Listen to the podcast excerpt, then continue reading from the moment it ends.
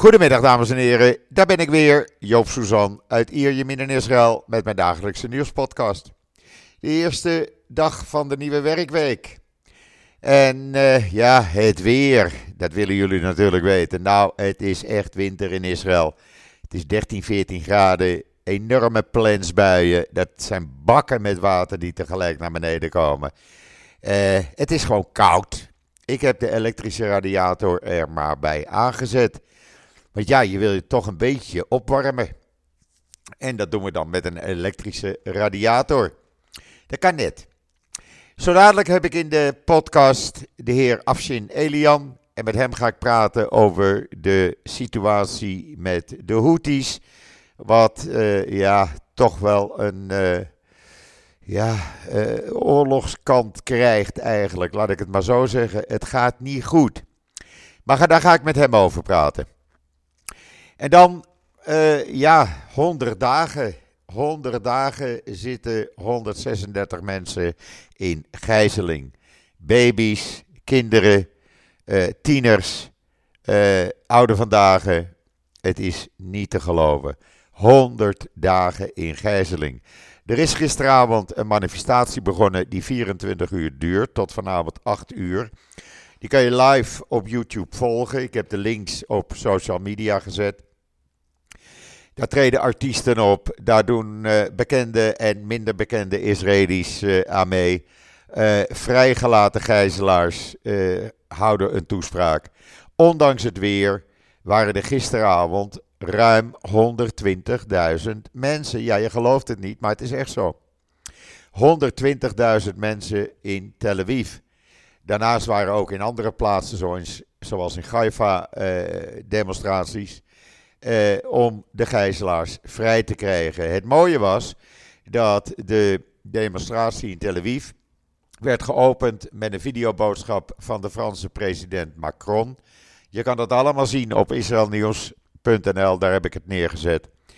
Uh, ja, het is een hele manifestatie. Zo dadelijk, of eigenlijk uh, is dat al gebeurd.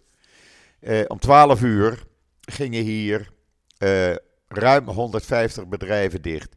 Onder die bedrijven McDonald's, uh, Café Café, uh, nou ja, noem maar op. Allerlei bekende winkelketens, Fox, uh, andere ketens, kantoren, andere bedrijven, 100 minuten dicht in solidariteit met de gegijzelden. Dat is een hartstikke mooi gebaar.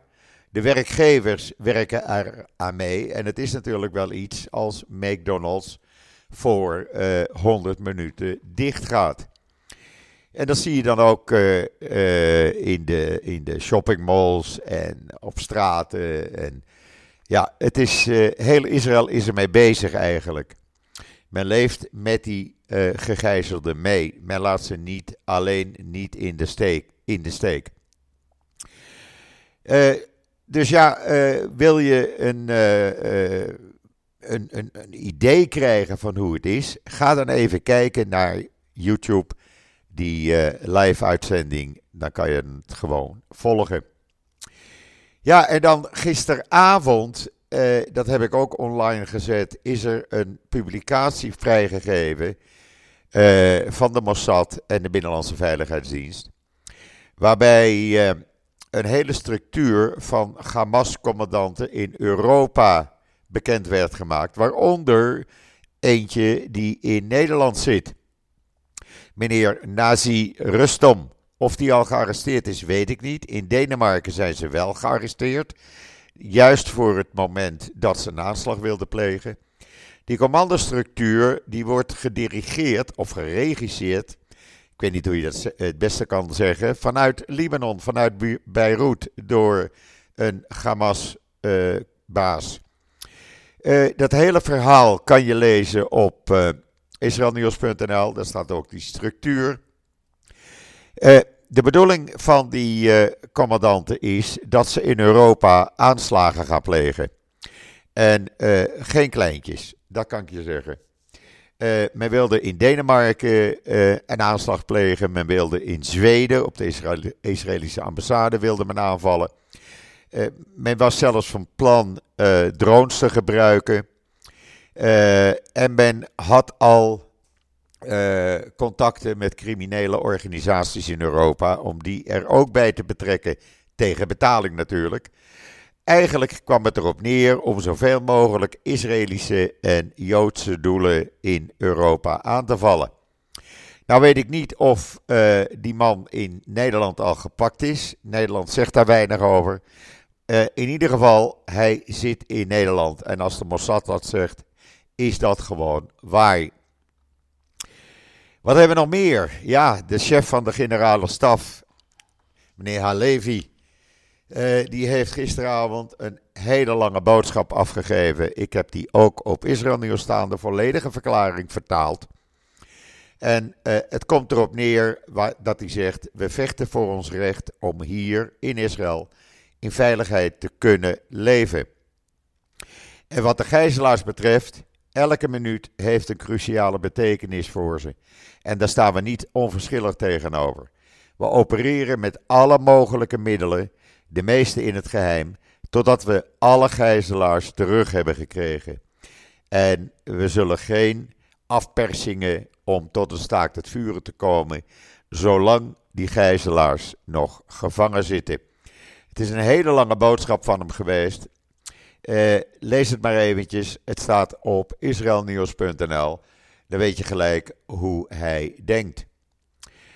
En dan was er een uh, verklaring gisteravond, net voordat die demonstratie begon. Die demonstratie begon om 8 uur. En premier Netanyahu kwam met een verklaring om half acht waarin hij een volledige overwinning belooft. Uh, ja, of dat zo kan zijn, ik hoop het, maar ik ga er niet van uit. Uh, zijn hele verklaring is vertaald in het Nederlands en kan je ook lezen in israelnieuws.nl. ja, israelnieuws.nl is toch de site waar je het nieuws uit Israël gewoon te lezen en te zien krijgt. Zo ook video's hoe 14 terroristen zijn gedood in de afgelopen 24 uur, dus gisteren. En diverse raketlanceerputten zijn ontdekt. Die zaten in de grond verstopt, die zijn ontdekt en die zijn onschadelijk gemaakt. Ook dat kan je zien op israelnieuws.nl. Waarin je ook kan lezen, want dat vond ik nogal aangrijpend, het verhaal van Sharon Eisenkot. Sharon Eisengot is de zuster van Gabi Eisengot, de huidige minister in het oorlogskabinet en voormalig IDF-stafchef. Gadi. Uh, zijn zoon werd gedood. En een dag later werd zijn neef, dus de zoon van zijn zuster, gedood. Maor Cohen Eisengot. En uh, Sharon Eisengot, dus de moeder van Maor, die sprak gisteravond met N12 Nieuws. En wat zij wil, ze wil grootmoeder worden. En ze wil uit het zaad van haar zoon een kleinzoon of een kleindochter krijgen. Het hoeven er geen twee te zijn, zegt ze. Eentje is genoeg, dan is het einde goed. Het is een heel aangrijpend verhaal. Ik heb het zo goed mogelijk geprobeerd te vertalen voor jullie. Uh, ik vond het een uh, ontroerend verhaal. Want zij vecht echt om uh, ja, grootmoeder te worden. Om een kind te krijgen uit het zaad van haar zoon. Die een paar weken geleden in Gaza is gesneuveld. Lees het op israelnieuws.nl. Waar je ook kan lezen. President Herzog in een verklaring. Die was niet voor de internationale media bestemd. Die was alleen in het Hebreeuws.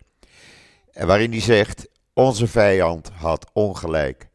De geest van het volk Israël won altijd. En dat vond ik nogal een uitspraak. Ik vond dat een bijzondere uitspraak van hem. Echt waar.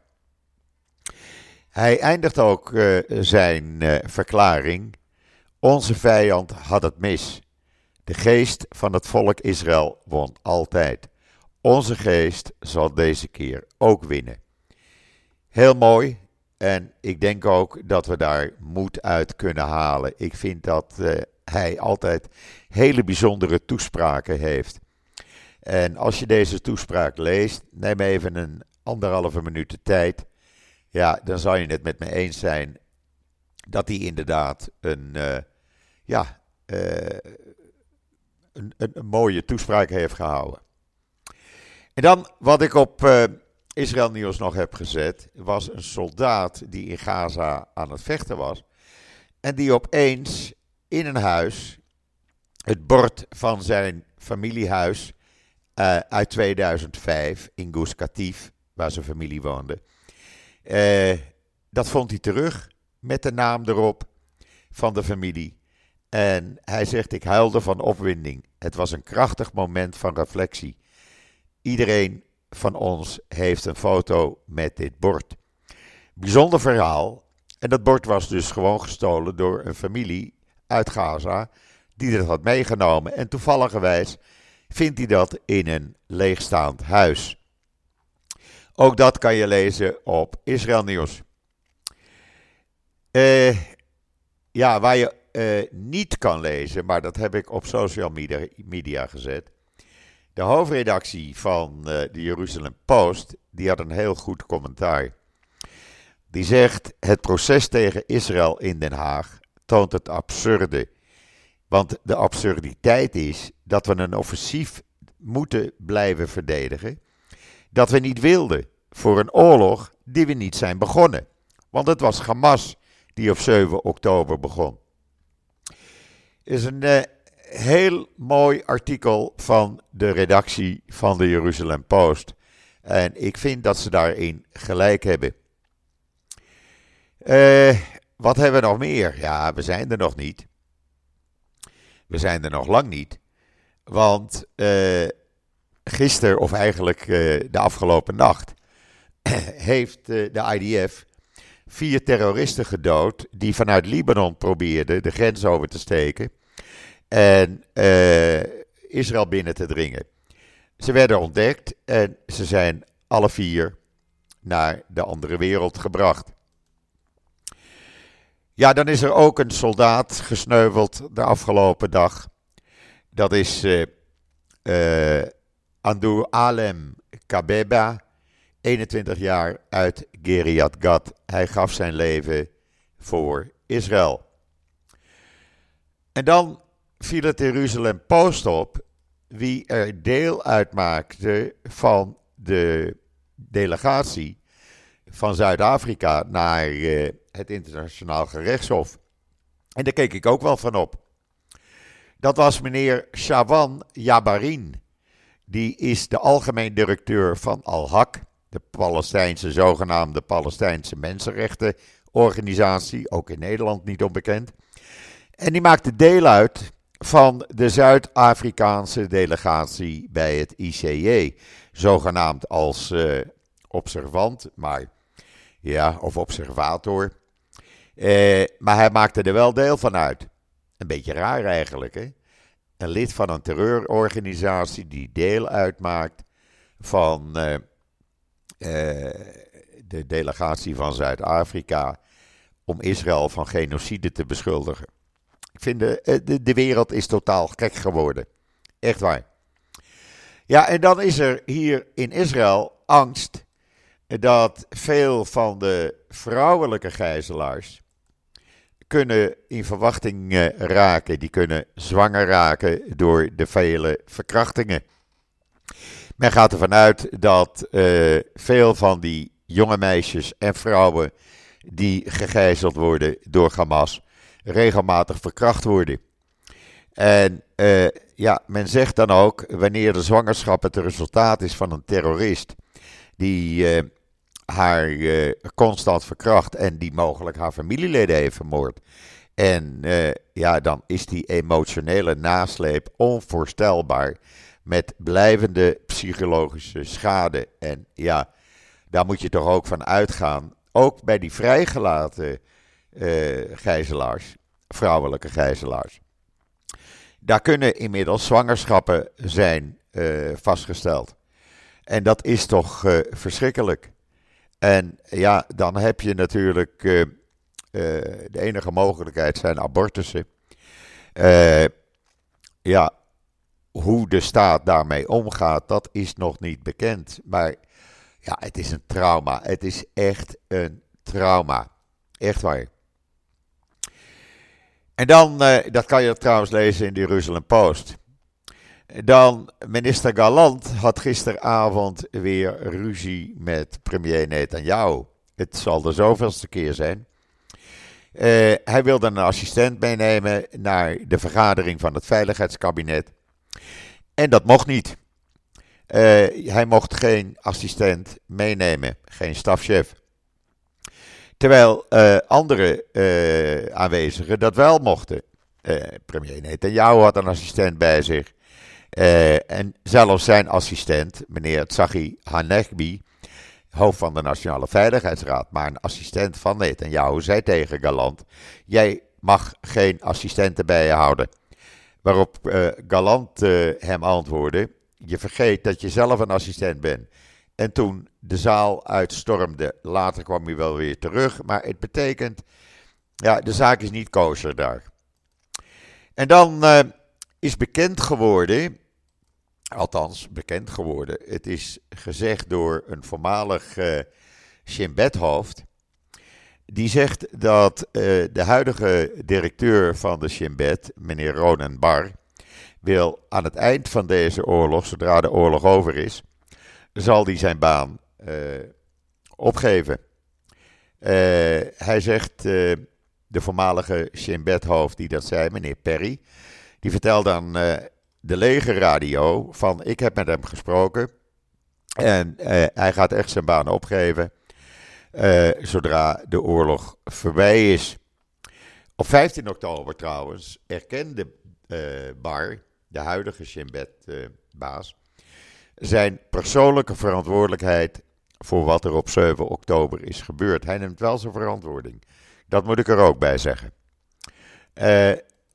ja, het zal, uh, het zal een beetje onrustig worden na, als deze oorlog afgelopen is. Alleen voorlopig is deze oorlog nog niet afgelopen. We zitten er nog middenin. En dan zijn er sinds het begin van uh, deze oorlog, of eigenlijk vanaf 7 oktober, meer dan 100.000 verzoeken voor uh, psychische bijstand binnengekomen bij de hotline Iran. En dat is veel. Dat is echt heel veel. Meer dan 100.000 verzoeken tot nu toe. Uh, er werden alleen al op die zaterdag 7 oktober ruim 3000 verzoeken ontvangen. Uh, die zaterdag werden ruim 1200 mensen afgeslacht en ruim 240 mensen gegijzeld. Uh, dat kan je lezen in de Times of Israel. Maar het is eigenlijk niet meer als wat ik nu zeg. Eh, het meeste heeft betrekking op de geestelijke gezondheid van de burgers van Israël. Ja, dat speelt natuurlijk constant mee. Uh, men, uh, men is niet rustig. En ja, het, het wordt alleen maar erger, want we zijn er voorlopig niet. Als je ziet hoe het hele land, en dan kom ik weer terug op met waar ik mee begonnen was, het hele land bezig is met de gegijzelden uh, het hele land over niets anders praat als over de gegijzelden. Dan weet je hoe dat leeft hier. En het is echt uh, ja, het, het belangrijkste onderwerp van gesprek hier. De gegijzelden, de gijzelaars in uh, Gaza. Mijn broer had verleden week nog een artikel, een column geplaatst, Simon. Uh, het tweede deel van zijn gesprek met Mohammed, zijn vriend in Gaza, die hem belde. Ik geloof dat dat afgelopen donderdag was. Moet je maar even kijken. Het staat op israelnieuws.nl. En die vertelde hem, uh, en dat heeft hij ook in die uh, column gezet. die vertelde hem dat volgens hem en vele anderen in Gaza de gijzelaars vast zouden worden gehouden in de gebouwen van het Rode Kruis en uh, UNRWA. Want uh, Hamas gaat ervan uit dat Israël die gebouwen niet aanvalt, niet bombardeert. Het zou kunnen zijn, het is hier op televisie ook al een paar keer gezegd de afgelopen dagen in uh, de journaals, dat men rekening houdt dat de gijzelaars in die twee gebouwen vast worden gehouden of in meerdere gebouwen die aan UNRWA en het Rode Kruis toebehoren. Het zal later blijken wie er gelijk heeft. Uh, ik weet het niet. Het zijn vermoedens. Uh, anderen blijven volhouden dat ze nog steeds in die tunnels zitten. En daar mondjesmaat van voedsel worden voorzien. Ik weet het niet. Ik vind het in ieder geval verschrikkelijk.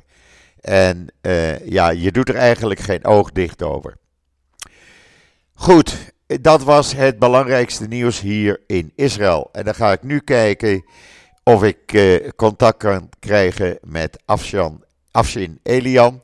En met hem ga ik praten over de Houthis in uh, uh, Jemen. En het gevaar voor de regio. Gaan we echt richting een regionale oorlog? Of valt het in de hand te houden? Een ogenblikje geduld, alsjeblieft.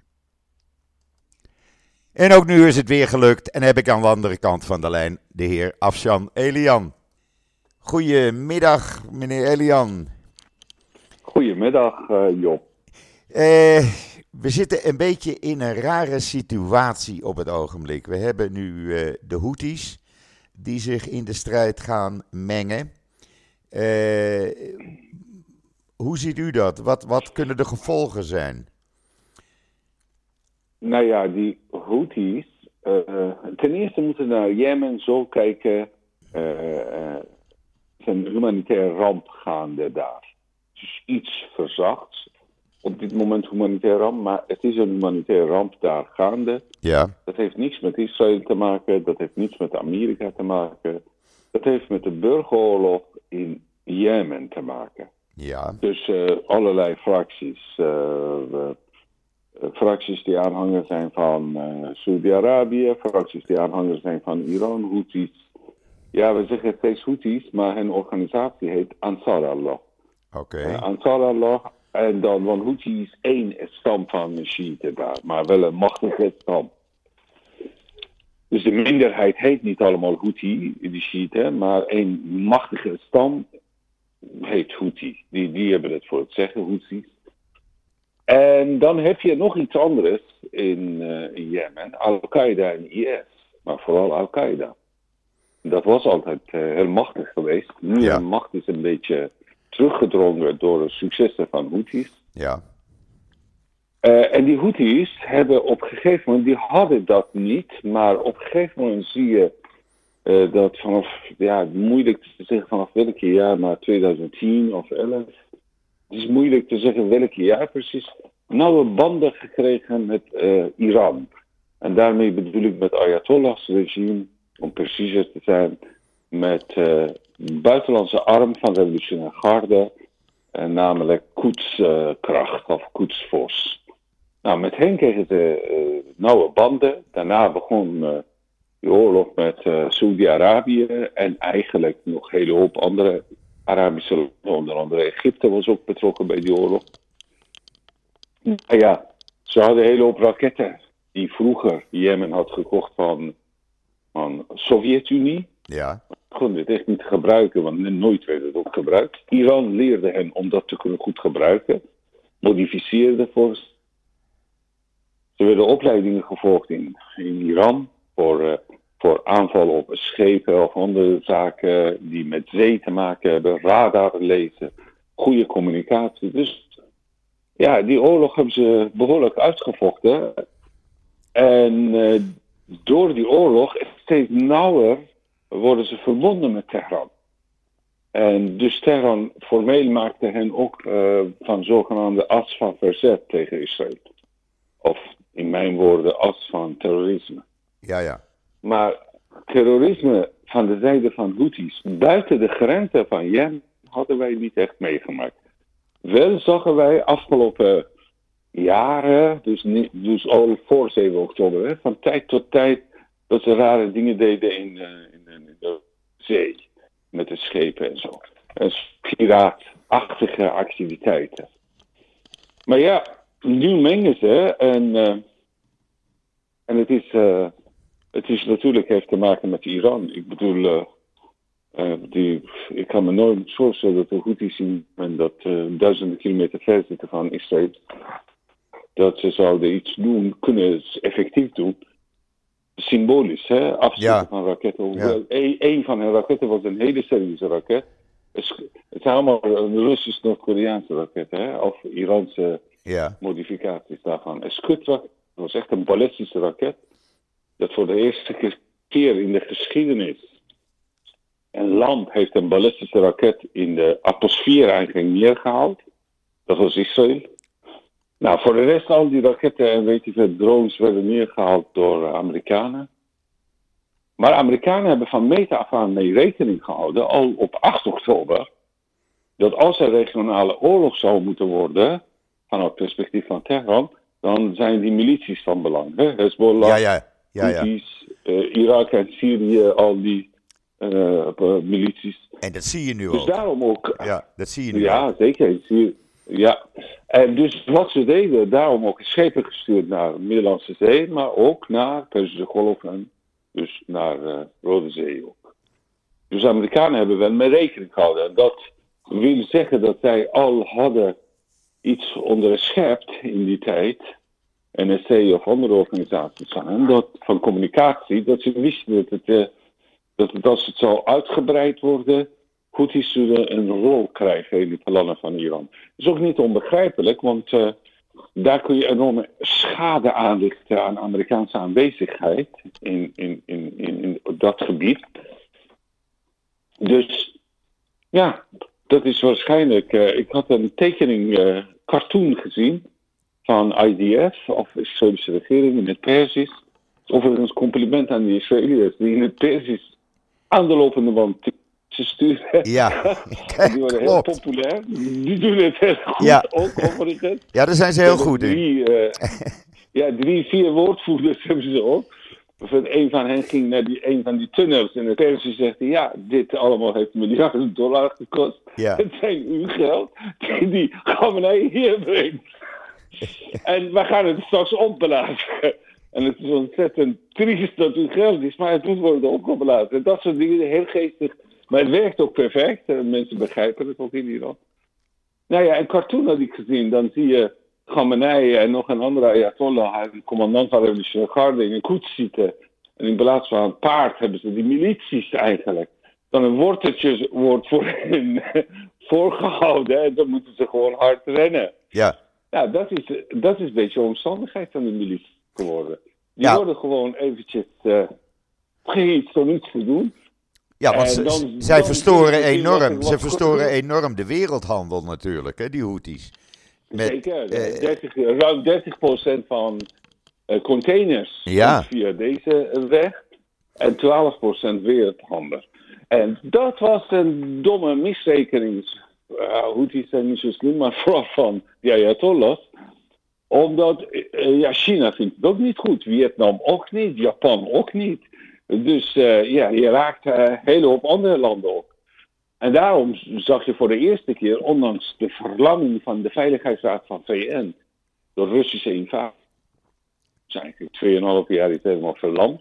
Maar voor de eerste keer een, resolutie kwam va- van Veiligheidsraad, een strenge resolutie tegen een groepering en een land, namelijk ja, Eh, weliswaar, China en Rusland hebben zich onthouden, maar ze konden ook vetoen. Of van tevoren zeggen, we gaan vetoen. Maar dat hebben ze niet gedaan. Dus ze waren eigenlijk het eens, maar ze willen zelf niet de handtekening zetten daaronder. maar buiten het aanvallen Dus, eh, door Amerika en Engeland eh, eh, kunnen ze niet veel. Want ik zag vandaag een oproep van de minister van Buitenlandse Zaken van Engeland, die, of Ja. van Defensie, die, die eh, Iran opriep om de Houthis tot kalmte te manen. Ik denk, ja, dat gaat ook niet werken natuurlijk.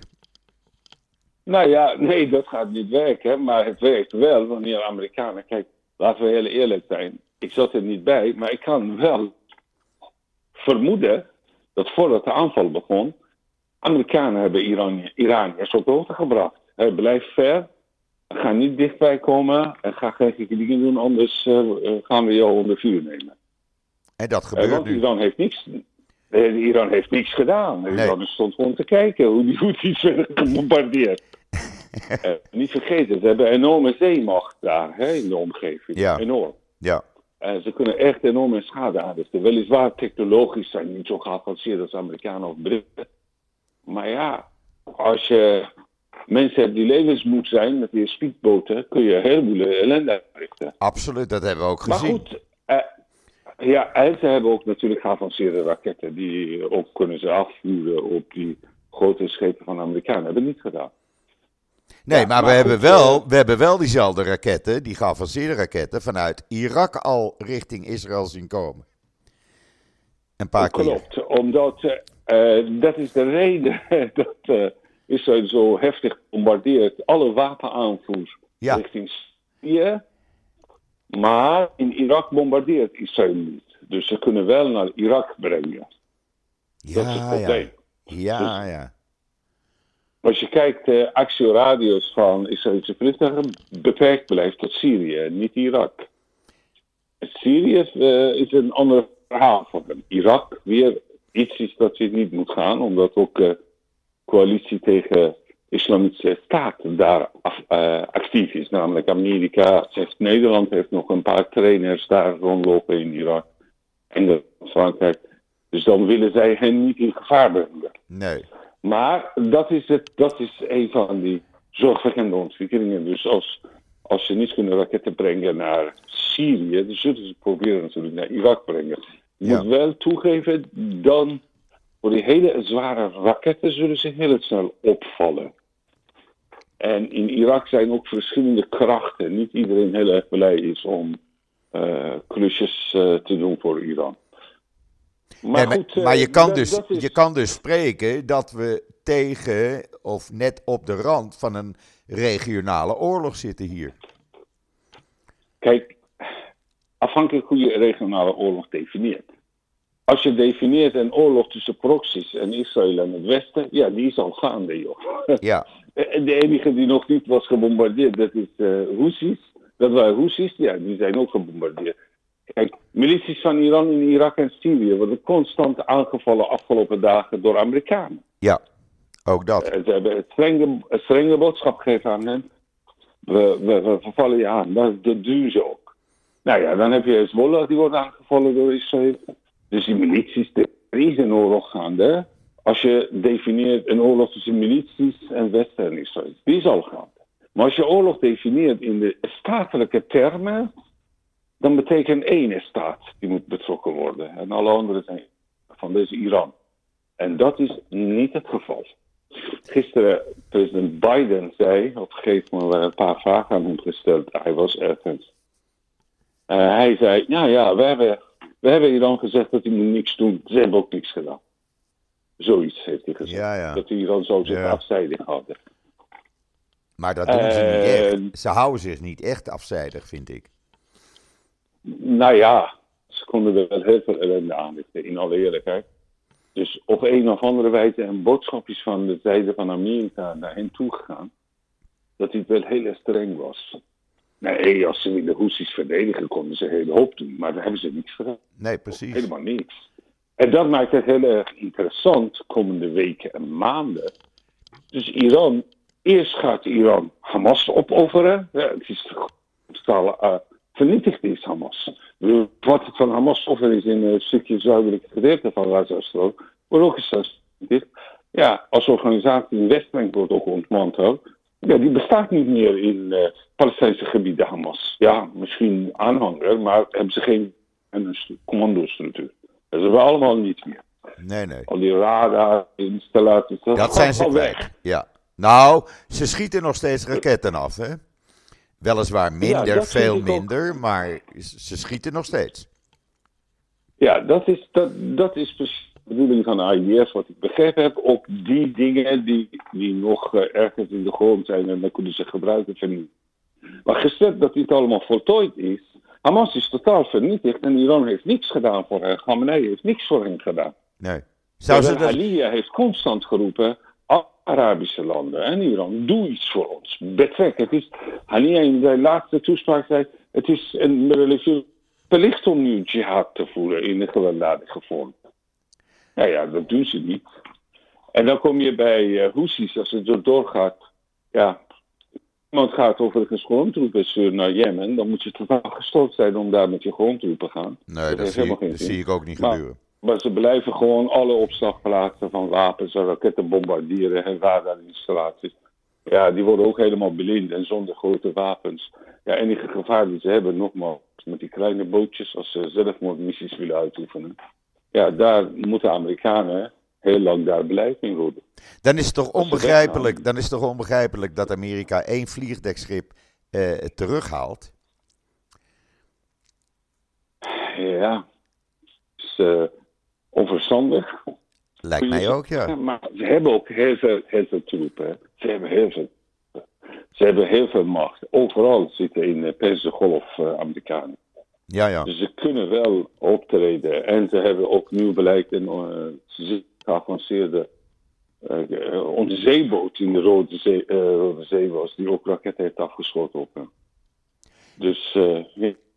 Maar wat zou, wat, zou Iran, wat zou Iran gaan doen als Israël Hezbollah op dezelfde manier zou aanpakken als ze Hamas nu doen? Dit is een hele spannende vraag. Dit is een uh, 1 miljoen, uh, hoe, heet, hoe heet die? 1, 1 miljoen dollar question. en, en, ik zeg je heel eerlijk, volgens mij gaan we nee weet het ook niet. Nee, nee. Want uh, dat is een hele cruciale vraag. Kijk, die Hamas is weg. Ja, het is pijnlijk, maar oké. Okay.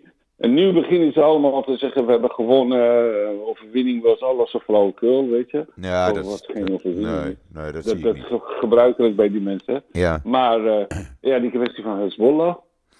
De facto, Israël dagelijks doet datgene wat er moet gebeuren met Hezbollah. Laten we eerlijk zijn. Absoluut. Dagelijks. Ze, ze vernietigen dagelijks. allerlei installaties, maar er zijn zoveel installaties. Heel veel. Ja, heel veel raketopslagplaatsen en zo. Uh, als dat gaat gebeuren, wat is heel denkbaar, eerlijk gezegd. Want Israël heeft één ding geleerd hè, op 7 oktober. Gigantische fout hebben gemaakt. Ja. Gigantische fout hebben gemaakt. Om te denken dat ze enkel kunnen varen op elektronica. En laat maar ze wapenopslagplaatsen aanleggen. Nu hebben ze geleerd als ze dit soort terreurgroepen wapenopslagplaatsen aanleggen populatie manipuleren en achter zich krijgen, heb je echt een hele groot probleem. Existentieel probleem. Dus als je vanuit die logica kijkt, dan is het bijna onontkoombaar dat waarschijnlijk Israël gaat iets heel ergs doen met Hezbollah. Maar wanneer, over een week is, of dagelijks stukje bij stukje gaan doen, dat moet nog lijken. Ja, want ze brengen, ze brengen steeds meer troepen naar het noorden. Ze laten wel reservisten gaan. Ja. Maar uh, steeds meer reservisten worden vanuit Gaza overgebracht naar het noorden op het ogenblik. Ja, omdat in het algemeen even een paar raketten die worden nog afgeschoten uh, buiten gelaten. Het gebied is veilig nu voor Israël. Er is niets heel gevaarlijks daar. Behalve het zuiden van Gaza, dat moet nog uh, schoongeveegd worden van Hamas. Dus Daar hebben ze ook wat op gevonden. Hè? Ze gaan de grensovergang met de Rafa overnemen, dus met Egypte. De IDF. Israël gaat overnemen. Ja, Israël gaat het overnemen. Nee, dat kan ik me heel goed voorstellen dat ze gaan overnemen. En, uh, en dus dan heb je troepen niet meer nodig. En als je naar noorden brengt, betekent dat je je voorbereidt op een grote confrontatie met Hezbollah. En dan, dan moet, het, moet het beleiken wat Khamenei gaat doen.